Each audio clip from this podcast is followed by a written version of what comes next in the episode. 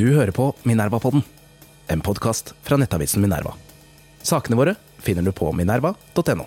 Minerva-podden er en podkast fra avisen Minerva. Det er gratis å lytte til Minerva-podden, men det er ikke gratis å lage avisen.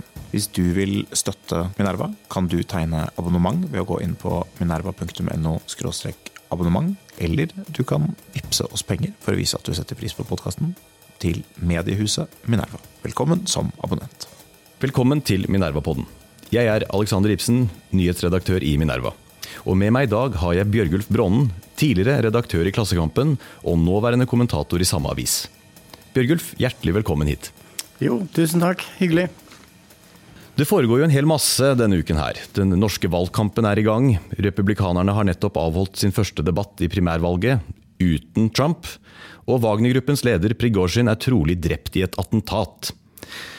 Vi skal ikke snakke så mye om disse tingene, men om noe helt annet og mer eviggrønt tema. Er det en ideologisk krise på venstresiden? Litt av foranledningen er en kronikk publisert i Klassekampen fra den danske skribenten Glenn Beck, som ikke må forveksles med den amerikanske kommentatoren Glenn Beck. Men Glenn Beck eh, skriver bl.a. i kronikken eh, sitat Selvgode og høyt utdannede driver en identitetspolitikk som belærer arbeiderklassen om at det finnes viktigere problemer enn det arbeiderklassen har. Dette gjelder altså gnisninger mellom arbeiderklassen, eller potensielle velgere for venstresiden om du vil, og venstresidens elite, hvis vi skal bruke det ordet. Bjørgulf, er det hold i Becks kritikk, mener du?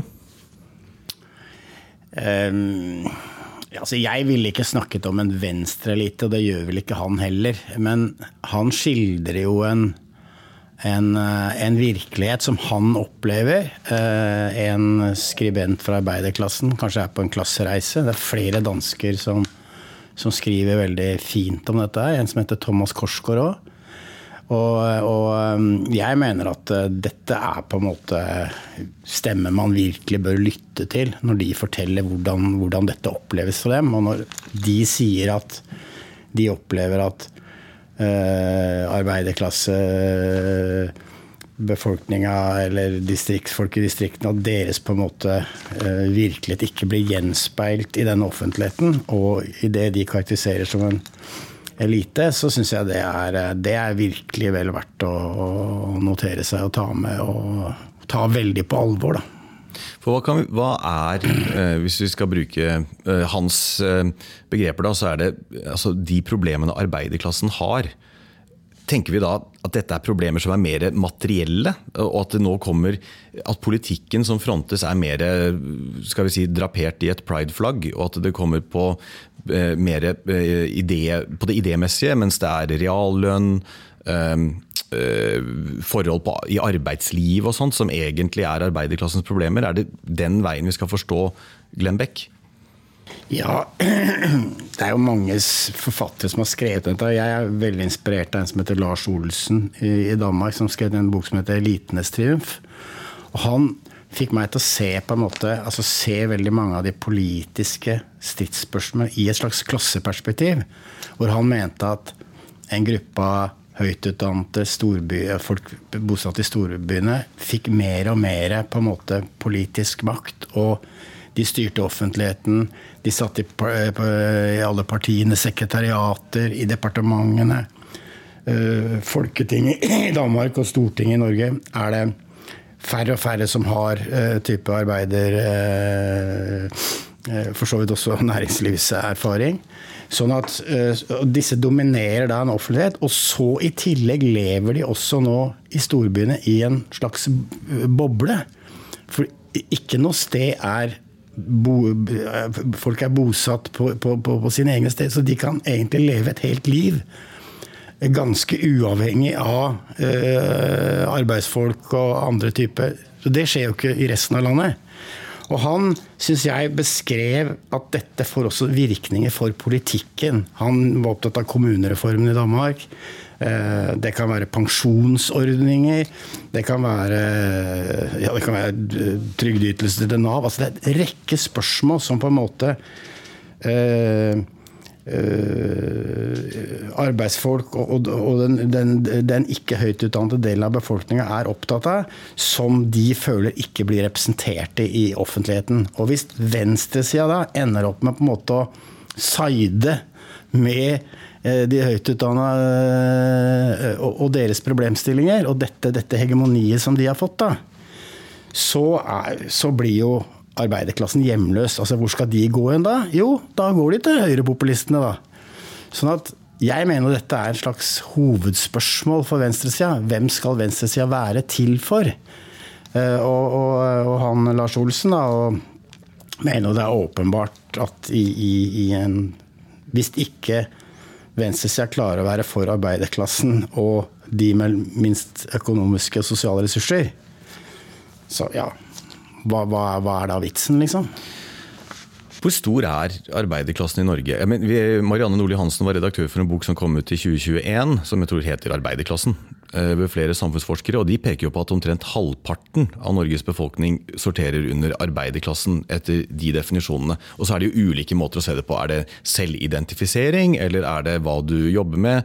Eh, vi får jo et sinnbilde av eh, menn ved maskiner vi tenker arbeiderklassen. Ja, ja. Men det, den tiden er forbi, fordi vi fleste jobber i tertiæryrker nå. Men hva, hvor stor er den? Gir det mening å snakke om at halve Norges Ja, altså det gjør Og så er det også en jeg tror de snakker om 40 jeg, som, i, i de, de, de sosiologene som, som, Men så er det jo diskusjon om sånne grupper som sykepleiere, som de definerer ut av eh, arbeiderklassen. Men mens f.eks. nå når vi har boligindeks i Oslo, så regner man jo da på en, singel sykepleier uh, hva den, uh, om du kan få bolig i Oslo. Sånn at jeg mener at liksom 50 opptil 60% definerer jeg som kan du si, som arbeidende folk, da, for å snakke med Mimi Kristiansson. og og, og, og, mens man ofte liksom misforstår litt. Man tror liksom nå har alle fått master, nå har alle Men det er ikke sånn. Det er et stort flertall i Norge som, som, som, som um, som uh, ikke har den type høyere utdanning. Da. I hvert fall ikke meningen å snakke om 60% som elite. Det blir ja, ja, ja. selvmotsigelse. Uh, Elitebegrepet er jo veldig komplisert, ikke sant. Sånn at uh, man må jo ikke snakke om sånn én fasttømmet elite. Men jeg tror dette her skillet mellom uh, mellom en slags høytutdannet folk som bor i storbyene, og, og, og, og resten av en slags arbeidende befolkning, tror jeg kan være fornuftig i noen sammenhenger å operere med. Disse trendene som, eh, som, eh, du peker på her, og høyrepopulisme da, særlig, er jo ikke bare et, det er jo egentlig vel så mye et europeisk fenomen, og ikke minst amerikansk også. Ja, ja. Eh, altså, Se på Frankrike, liksom. Le Pen. Det er jo helt uh, skremmende perspektiver. Ja, eller Meloni, som begynner å anta en litt sånn lederrolle. Har klart å, å, vise at det går an å være innvandringsmotstander og støtte Ukraina. Altså Du blir kvitt putinismen, som har la oss si, plaget høyrepopulistiske partier i Europa. Men dette problemet kan vel si at det ble, kom veldig tydelig til overflaten, denne friksjonen, i 2016. Da fikk vi brexit-avstemningen i eh, Storbritannia, og Trump kom til makten i USA. Det er da veldig mange år venstresiden, eller eh, ja, la oss kalle det venstresiden, har hatt på egentlig å skjerpe seg da, for å nå, nå, disse her eh, velgerne som føler seg forlatt. De som Hillary Clinton kalte the deplorables. Hvorfor har man ikke fått, eh, fått maskineriet i gir og sett at dette her er jo en mobiliserbar gruppe? Ja, nei, altså jeg uh, har vel ikke noe god forklaring på det, selv om jeg har uh, jobbet med dette spørsmålet og tenkt rundt det veldig, veldig lenge. Uh, I USA så kom det en bok av en som het Thomas Frank som het 'What's the Matter with Kansas'. Det er helt tilbake i 2010. Han var jo veldig presis på det at han mente at demokratiske partiet på en måte forlot kan du si, den New Deal-arven. da. Roosevelt, Lyndon B. Johnson, hvor de var for arbeidsfolk, det var fagforeningene. Og så fikk du Bill Clinton, som på en måte sakte, men sikkert transformerte Det demokratiske partiet til å legge mindre vekt på den type, den type spørsmål. Og, og, og, flytta seg også i økonomisk politikk, da, selvfølgelig. Og, og eh, jeg mener vel at, eh, at, eh, at deler av venstresida på en måte ikke, er ikke så flinke til å se på en måte politikken som klassepolitikk. Og det tror jeg Meloni, Le Pen, Boris Johnson i Storbritannia, Trump De er innmari gode på det. De skjønner på en måte hvilke velgergrupper de appellerer til, og hva, hva, hva som betyr noe for dem. Boris er veldig interessant der, med altså Eton uh, ja, graduate. Ja, ja, det er uavhengig av liksom, hvor du kommer fra sjøl. Og, og, og, du ser det i norske partier òg. Altså, Fremskrittspartiet er jo til tider vært veldig gode på dette her. ikke sant? Og, og, jeg mener Senterpartiet i perioder har vært veldig gode på det. Arbeiderpartiet, selvfølgelig. Det er deres historiske arv. Men, men når man på en måte slutter å tenke i klassetermer, så, så, så, så er det veldig lett at øh, arbeidervelgere føler seg forlatt og ikke sett og ikke representert. Og det tror jeg har skjedd. Og da er det jo også sånn at, at hvis du sitter i Oslo, så ser du også at du har veldig mange velgere som har sine interesser, sine, og som er med på å påvirke politikken. Og så har du ikke god nok forankring da, kan du si, utover i landet eh, i, i, disse segmentene av befolkninga. Sånn at eh, jeg tror partiet på venstresida eh, rett og slett De har jo ulike typer velgere, ikke sant. Hvem skal du prioritere i, i spørsmål hvor det er litt interessekonflikter og sånn? Rødt, for å ta det, de har jo egentlig ganske bevisst jobbet med dette. De har sagt sosial ulikhet eh, som liksom hovedspørsmålet. Det er jo en slags klasse, klassedimensjon, da.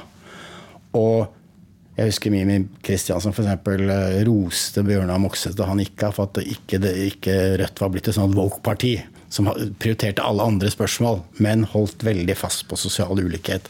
Og det mener jeg er en måte som Rødt også kanskje har hatt en viss suksess med. med å liksom men Hvordan gikk det i kommentarfeltet hans eh, etter at Mimir la ut den posten?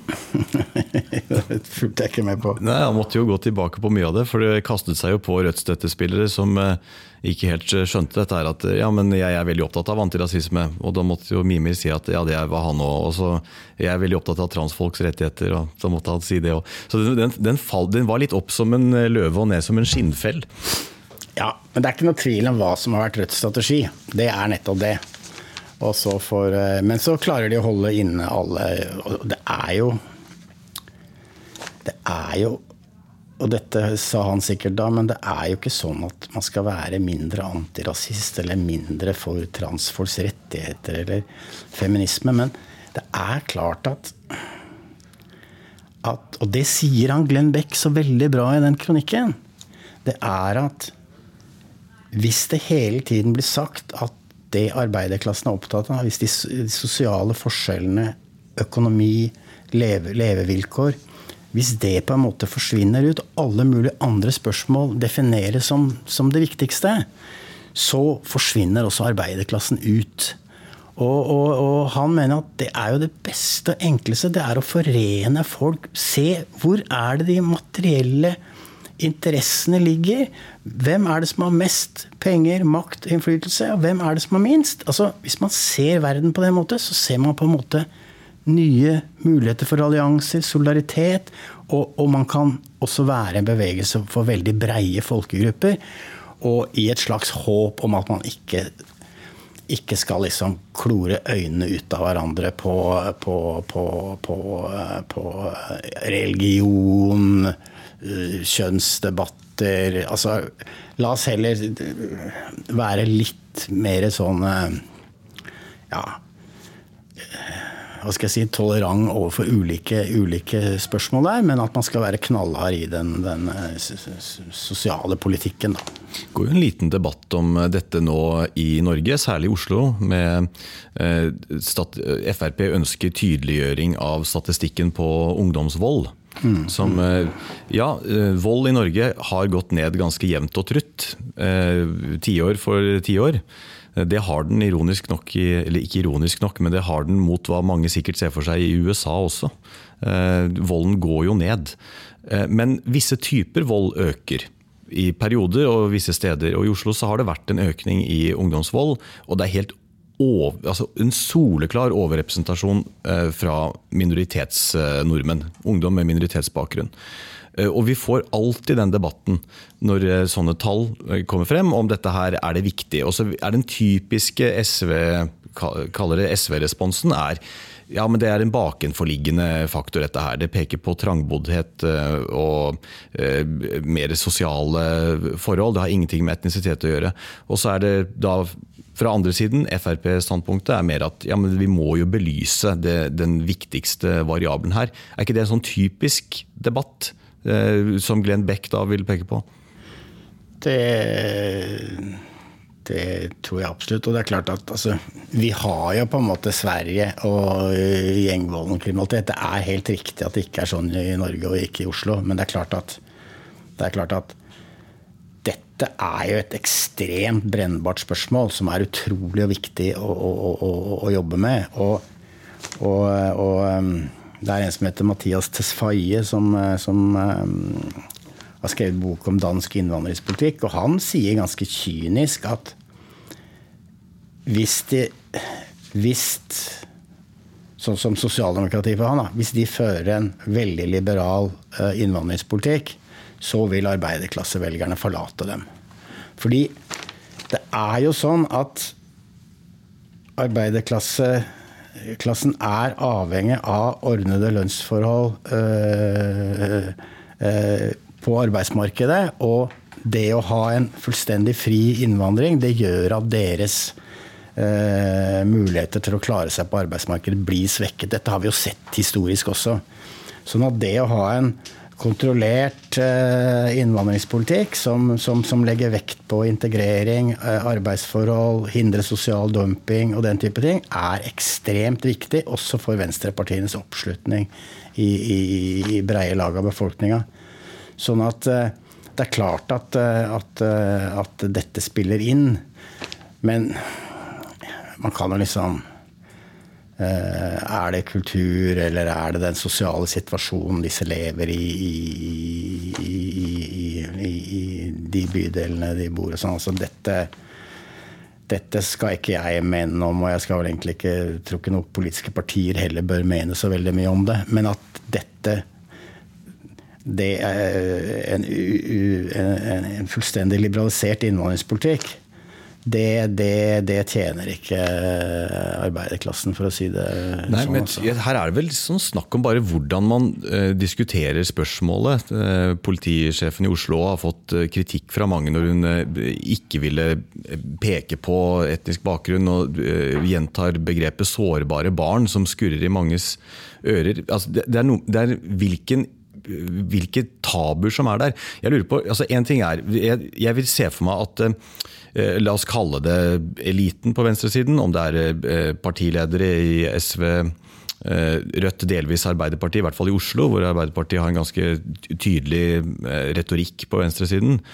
Er, de vil vel da si ja, men vi, vi, skal jo jobbe for alle disse materielle spørsmålene også, men vi skal i tillegg fronte en eh, type identitetspolitikk eller eh, retorikk som, som passer for venstresiden. Så spørsmålet er litt Skremmer det bort noen at man gjør det i det hele tatt? Det, det, det er der du, Når du peker på Rødt, som har vært mer vellykket, skremmer det bort noen når man, gjør, når man snakker på den måten? Det er jo kanskje et paradoks at man på den ene sida vil ha veldig identitetspolitikk knytta til etnisitet, men når, det oppstår problemer, så, så, skal det ikke nevnes. Sånn at eh, Men jeg mener egentlig bare at at jeg hadde veldig sans for Jan Bøhlers eh, på en måte eh, Hans måte å, å, angripe det på. Han var eh, hadde liksom, han hadde veldig god kontakt med ulike miljøer. Han sa det er det samme om du har innvandrerbakgrunn eller om du har etnisk norsk, hva som helst.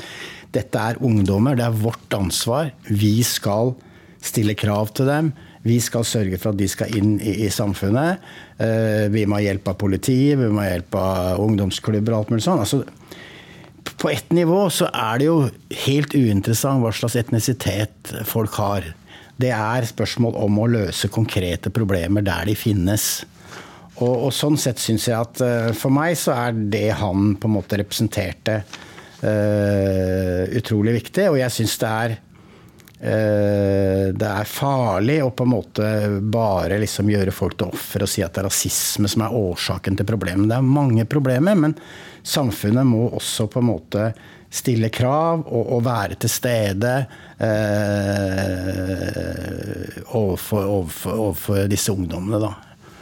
Og, være til dels også tough on crime, uten at du skal liksom bure inn folk. Men, men, du skal på en måte sette grenser der det er riktig å sette grenser. og og, og, eh, politiet er sånn sett uh, utrolig viktig. Hvordan de, hvordan de, hva slags ressurser de har, og, hvordan de jobber. Jeg, jeg ser for meg at, eh, at, retorikken og det som vi bare for enkelhets skyld kan kalle woke, altså woke-politikk, spørsmål om kjønn, legning, etnisitet og å ha de riktige meninger på de spørsmålene der, kan skremme bort en del. Eh, fordi det virker alltid å gå på bekostning av noe annet. Og det er såpass vidløftige krav i en del av Eh, den, den woke-bevegelsen. Eh, at nå skal vi alle redefinere ting som vi har tatt for gitt, som er hvilket kjønn vi har, f.eks. At jeg må legge til cis. Og jeg sier ikke at det er, det er ikke noe SV eller Rødt eller partier på venstresiden i, i, i Norge har vært spesielt aggressive på, men jeg, jeg innbiller meg at mange syns at det, et eller annet som man assosierer med venstresiden, har kommet ganske fort og brått. Kan, en ting som man kan spørre seg litt, som jeg i hvert fall undrer meg over, er er dette en ny form for kulturell kapital? På, eh, når Bourdieu på 70-tallet analyserte det franske samfunnet, så fant jo han at økonomisk kapital var ikke alt, du måtte også ha den riktige smak. Eh, en oppfølgerbok med statistikk og meningsmålinger fra USA på 90-tallet, eh, utgitt av Michel Lamont, en annen sosiolog, kanadisk sosiolog, Eh, fant at USA var ikke den gang var ikke kulturell kapital i den franske betydningen det viktige, men det var mer manners, altså eh, moralen din. Er ikke det vi ser nå egentlig bare at den uh, amerikanske moralforståelsen, den type kulturell kapital, har egentlig spredt seg litt til Europa i en ny støpning? Ikke med 90-tallets amerikanske moral, men nye identitetspolitiske eh, spørsmål. Og at det egentlig skremmer en del på, eh, av arbeiderklassevelgere, hvis vi vil.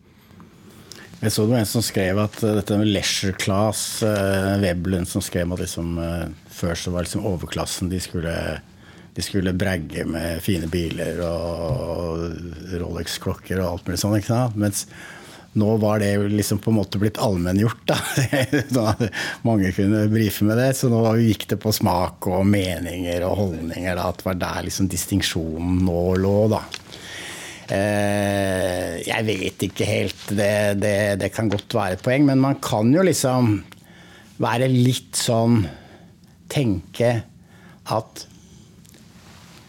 at hvis du sitter i en privilegert posisjon, da, med så så er det et eller annet som gjør at du ikke har så lyst til å snakke om det.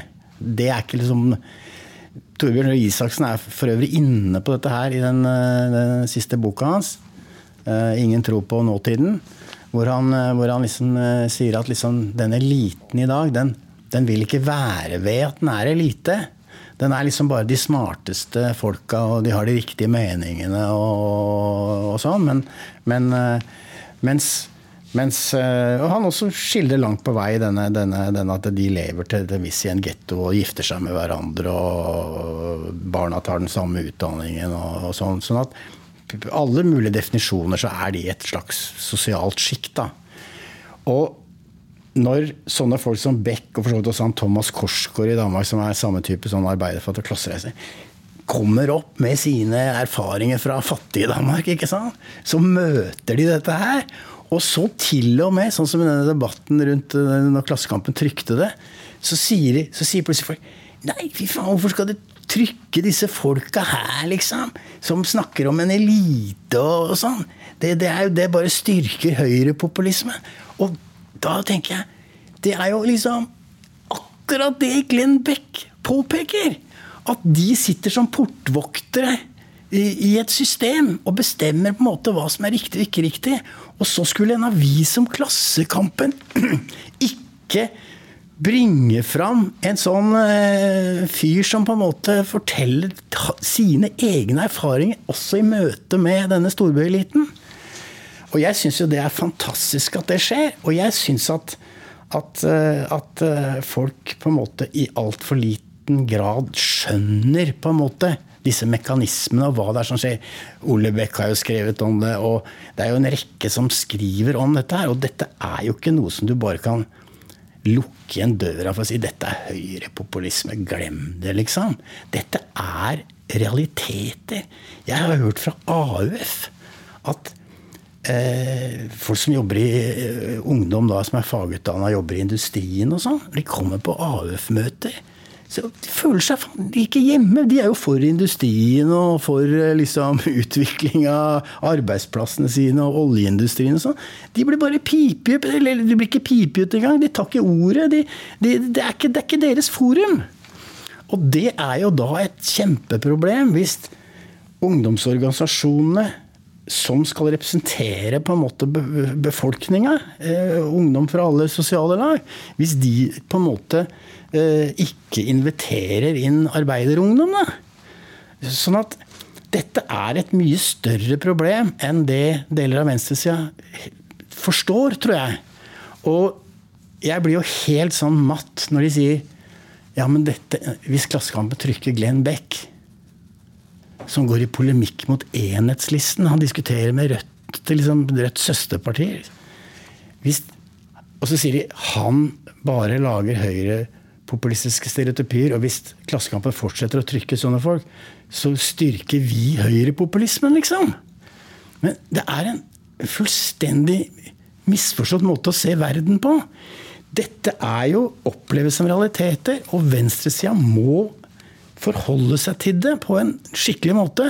Og ikke bare late som det ikke eksisterer. Og det syns jeg er, på en måte er sånn Det bekrefter på en måte at det er en elite som ikke vil snakke om disse tingene. Og da vil de heller snakke om noe annet, liksom. Tror faktisk det begrepet du sa med uh, eliten som ikke ville være elite, eller noe mm, mm, mm, likelydende, er vel et kapittel til og med i boka til ja, uh, Torbjørn. Ja, ja, 'Friend of the pod', for å si fra Minerva. Uh, problemet, altså, Dette er jo mer et elitespørsmål også, som du peker på. Der er det jo egentlig, Dette her er vel universelt. I, særlig, altså, I norsk politikk så er det jo universelt. Vi har karrierepolitikere mer. Jeg mener ikke å si det som noe sånn kritikk i seg selv, men at man mangler representasjon fra, fra, personer som har praktiske erfaringer fra det virkelige liv. Bare som en anekdote, det er flere julebord hvor, eh, når jeg var i Høyre-apparatet, hvor jeg måtte utbringe kongens skål eh, fordi jeg med min Eh, stusslige korporaltittel fra førstegangstjenesten var eh, den som hadde nådd høyest militære oppnådde rang. Bare, bare, noe sånt. Altså forsvarsfolk. Man skulle, tro i, ja, man skulle tro i et land med verneplikt at det var enkelt å finne frem til folk med, med noen eh, vinkler på skulderen, men så enkelt er det ikke. Jeg tror det har skjedd en endring, skjønner du. fordi at hvis du ser på sekretærkorpset til politikerne stortingsapparatet rundt politikerne, så, så, tror jeg før i større grad så var det på en måte kaderne fra partiet ikke sant? Altså, som, som, gikk inn der. Mens nå er det mye mye større grad folk som kommer fra statsvitenskap og Blindern. Eh, ferdig utdanna, for å si. Det er ikke sikkert de har partipolitisk bakgrunn engang. Og de befolker da liksom Og det er, hvis du ser det i et klasseperspektiv, så ser du veldig tydelig at på en måte veldig mye av det miljøet som også omkranser politikerne, eh, er fra det samme sjiktet og går i de samme barnehagene, går på de samme premierene. altså Er i den samme verden, da, med, med, mindre erfaringer fra det virkelige liv. Da. Jeg tror det er fra Jens Stoltenbergs eh, bok. Den kom ut eh, ja, rett etter at han hadde gått av som statsminister. Jeg tror det er Torbjørn Berntsen han viser til, som Eh, egenhendig Leppa fra Grorud?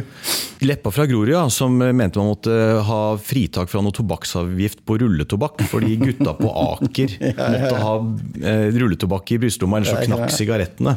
Og da ble det sånn. ja, den er god. Den er Men noe med, altså, vi, vi holder oss litt til, til eliten. Venstresiden har jo vært god på å lage en elite, hvis vi tenker intellektuell elite. Eh, i Vi bruker gjerne begreper som 68-ere og men egentlig hele etterkrigstiden i Europa har jo vært formet av intellektuelle på venstresiden. Men den har jo alltid vært litt skuffet over arbeiderklassen som den snakker på vegne av. Jeg tenker sånn Horkheimer og Adorno som bare Nei, men den er jo altfor daff og passiv og egentlig opptatt av eh, materielle goder og ikke, ikke de vidløftige spørsmål om revolusjon. Så er det egentlig bare en evig debatt som går, eller et evig problem. Ja, det er jo virkelig sant. Det har vært alltid misfornøyd med den reelt sett eksisterende arbeiderklassen, som det heter. Eh, og, og jeg får bare ta en liten sånn parentes. Jeg, også, jeg har jo vært beskyldt veldig mye for å på en måte være opptatt av Senterpartiet og, og, og være opptatt av at venstresida på en måte skal alliere seg med med Senterpartiet eh, og den distriktsbefolkninga og arbeidervelgerne de representerer. da. Og eh, jeg tror folk på høyresida forstår det, fordi de vet jo det at hvis eh, Senterpartiet slutter å samarbeide med Arbeiderpartiet og til venstre, så, så er det jo så er det fri fart, for å si det sånn, de neste 20 åra når det gjelder borgerlig regjering. Men Uansett så mener jeg at en del av den kritikken og forakten Og du ser det veldig mye i Aftenposten, uh, uten å nevne navn. som liksom De er ute etter Senterpartiet hele tida. Og jeg mener at det ligger en arbeiderforakt i en del av de tinga der. Fordi du kan si hva det, gamle karikaturen av Senterpartiet er liksom det storbondepartiet og bla, bla, bla. ikke sant? Men de har jo også en mye nærmere kontakt kan du si, med, med folkelige lag utover i landet. Og, og, en del av retorikken. De er litt vulgære. Altså, kjøtt, det er ikke noe middag hvis det ikke er kjøtt. Så er det, ikke, altså, det er en del sånne ting som du kan, kan, reagere på. Men likevel så føler jeg at de er i kontakt med sentimenter da, som ganske breie befolkningsgrupper har. Og når de på en måte møtes med så ekstrem motstand, så føler jeg at det er et eller annet klassedimensjon i spill her. Det er et eller annet som, som gjør at Senterpartiet klarer å provosere folk så ekstremt. Og det tror jeg har noe med denne her, at eliten alltid har vært misfornøyd med arbeiderklassen. Da. Det er en fin bro inn hvis vi avslutningsvis sier litt om den pågående eh, valgkampen.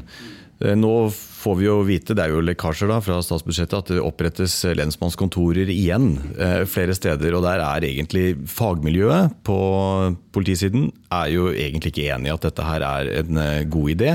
Men Senterpartiet gjør det allikevel. Jeg synes, Ikke for å henge ut faren min, han er en ærlig og hardtarbeidende og, og veldig på alle måter flott mann på Nesodden han bruker jo aldri lensmannskontorer, men han, men han, mener at det er trist at lensmannskontoret på Nesodden ble lagt ned. Så bommer han fullstendig, og det er fordi han ikke bruker lensmannskontoret. Han bruker ikke politiet til noe. Så han tror jo at eh, han, Jeg må ofte minne ham på at det ble ikke lagt ned av Solberg, det ble lagt ned på 90-tallet. Men nå får de lensmannskontor igjen. Vet, det er noe med uh, symbolikken der som sikkert appellerer til en del da, vil jeg tro. Så kanskje, som du sier, det at et ekspertvelde, la oss kalle det det, er imot beslutningen, men Senterpartiet da tvinger det gjennom allikevel. Tenker du det er en, eh, Treffer Senterpartiet med denne her type eh, Du tenker også på valgkampen nå, men ikke minst også lenger fram da, mot, eh, mot neste stortingsvalg?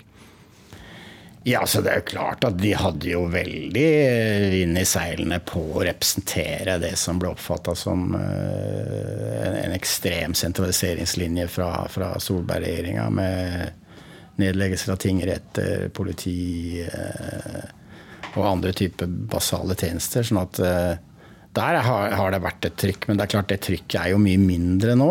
Og disse ni kontorene de oppretter nå, er jo fordi at motstanden har vært så stor blant politimesterne og, og, og sånn.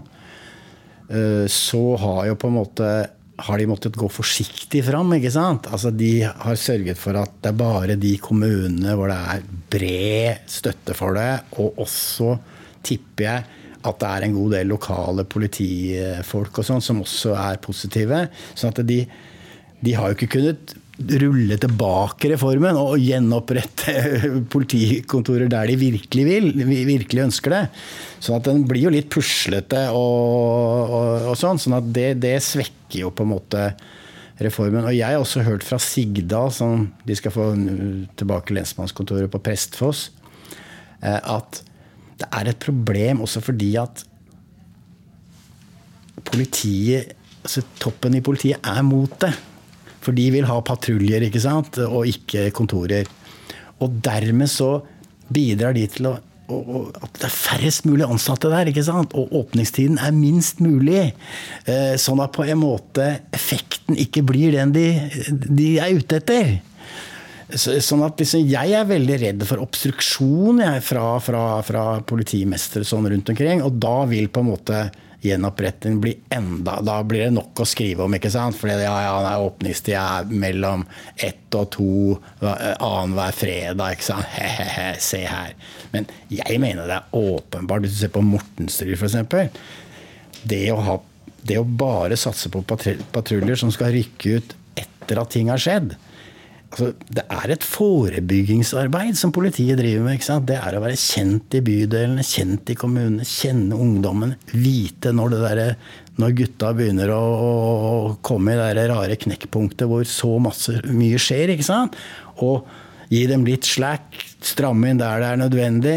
Og så, i beste fall, så dukker de opp fire år etterpå, har fått seg dame og gifter seg og blir samfunnets støtte. ikke sant? Altså, Den der å være tett på de prosessene der det er utrolig viktig for politiet.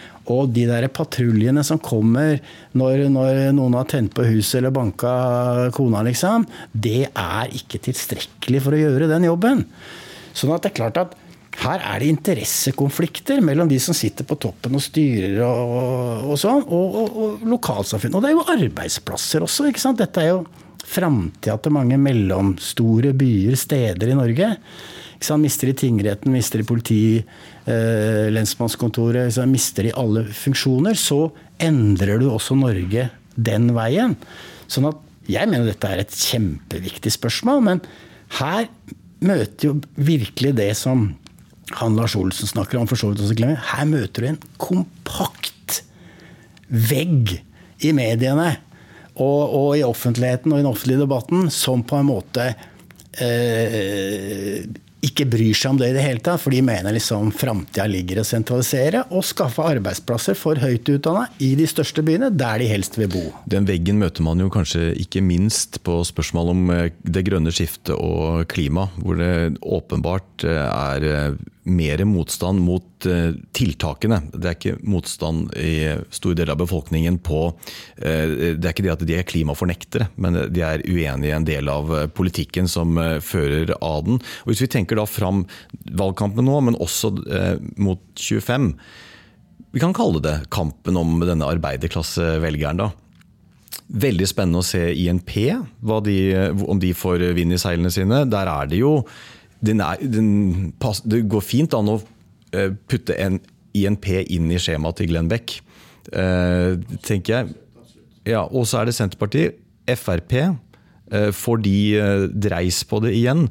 De har gjort det før med Sylvi. Min følelse er at Sylvi ofte undervurderes litt. Helt enig. Ja, og det går litt under radaren, det at Frp sakte, men sikkert kryper opp. Det går ikke fort, men de er, de er i en slags øh, vekstkurve, føler jeg. Ja, du ser det... det veldig tydelig hvis du sammenligner med valgresultatet for fire år siden på, på, på kommunevalget. Så ser du at det kommer til å være er det blå eller grønne piler på veldig mye Frp-resultatet valgnatta, tror jeg. Ja, og så vil vi da, eh, så På den måten blir jo dette valget veldig spennende. fordi vi får også en slags førstetest. Jeg skjønner at det er lokalvalg, men man tenker jo også nasjonalt samtidig. Eh, det blir også en første test på en som jeg tror eh, alle har lagt merke til er en, virker å være en svært kapabel partileder i Sneve Martinussen i Rødt. Vi kan jo være i en situasjon hvor Rødt går forbi SV etter hvert? Ja, nå har jo SV hatt veldig bra tall eh, lenge. Eh, og har kapitalisert uh, utrolig dyktig på den situasjonen at de står utenfor regjeringen ikke sant, og har kunnet, uh, kunnet profilere seg. Så, men det blir, det blir, interessant. Jeg tror nok at SV har likevel foreløpig litt sånn breiere anslag over hele landet og, og sånn. Men, men, vi kan få overraskelser her. Men akkurat nå så ligger liksom Rødt litt sånn stille, kanskje litt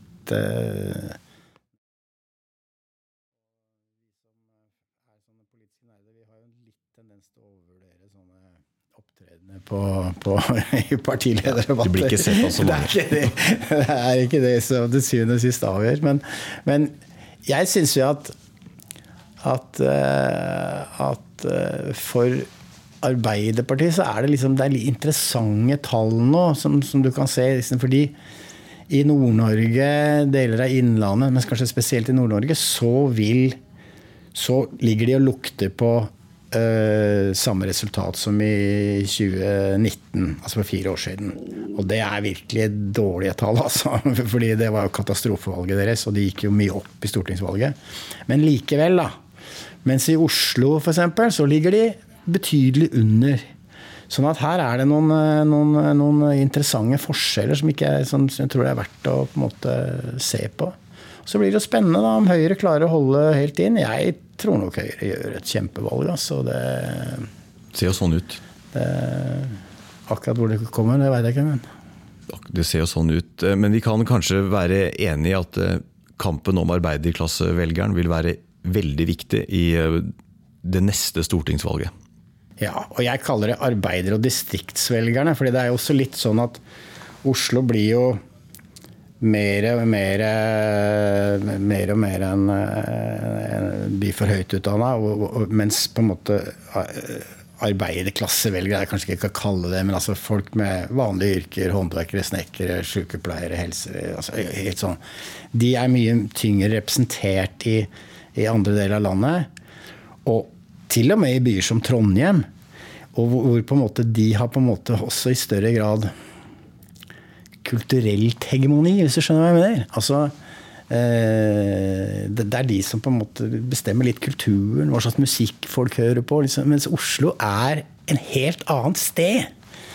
Og andre steder i landet så går folk rundt med kjeledressen sin inn i butikken og henter i barnehagen og sånn. Og dette er altså, Sånn at det er en økende kløft, kanskje, mellom ulike deler av landet.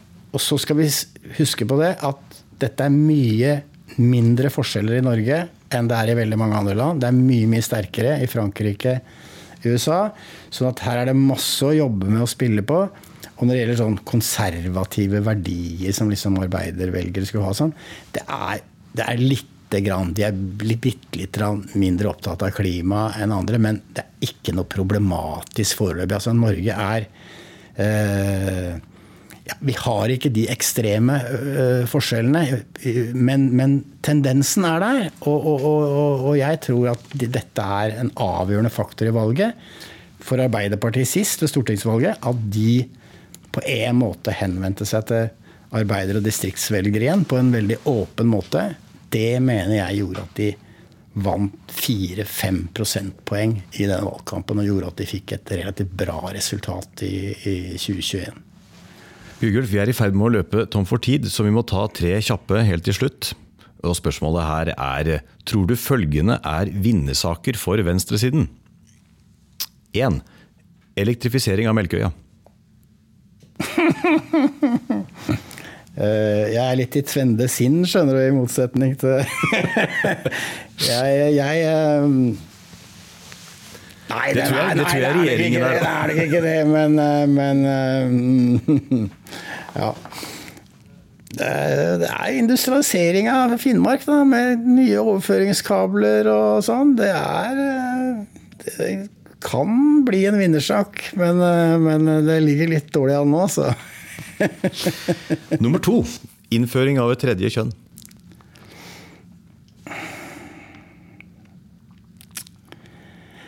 Nei, gud, det, det, det, det har, jeg, har, jeg, ikke noe oppfatning om, egentlig. Jeg er ikke så engasjert i det heller. Så um, vinner, taper. Jeg tror jeg tror vanlige folk, da, de tåler ganske mye når det gjelder liksom eh, eh, alt mulig sånt. Hvis, hvis, liksom det ellers, hvis det ellers er trygge forhold mellom politiske ledere, og partier og befolkninga. Men hvis det er utrygt ellers, så kan plutselig sånne saker på en måte ta fyr. da. Men jeg tror ikke en sånn sak tar fyr i Norge. Så vi har to kanskje, og så da nummer tre. Kjøttfri mandag i offentlige kantiner.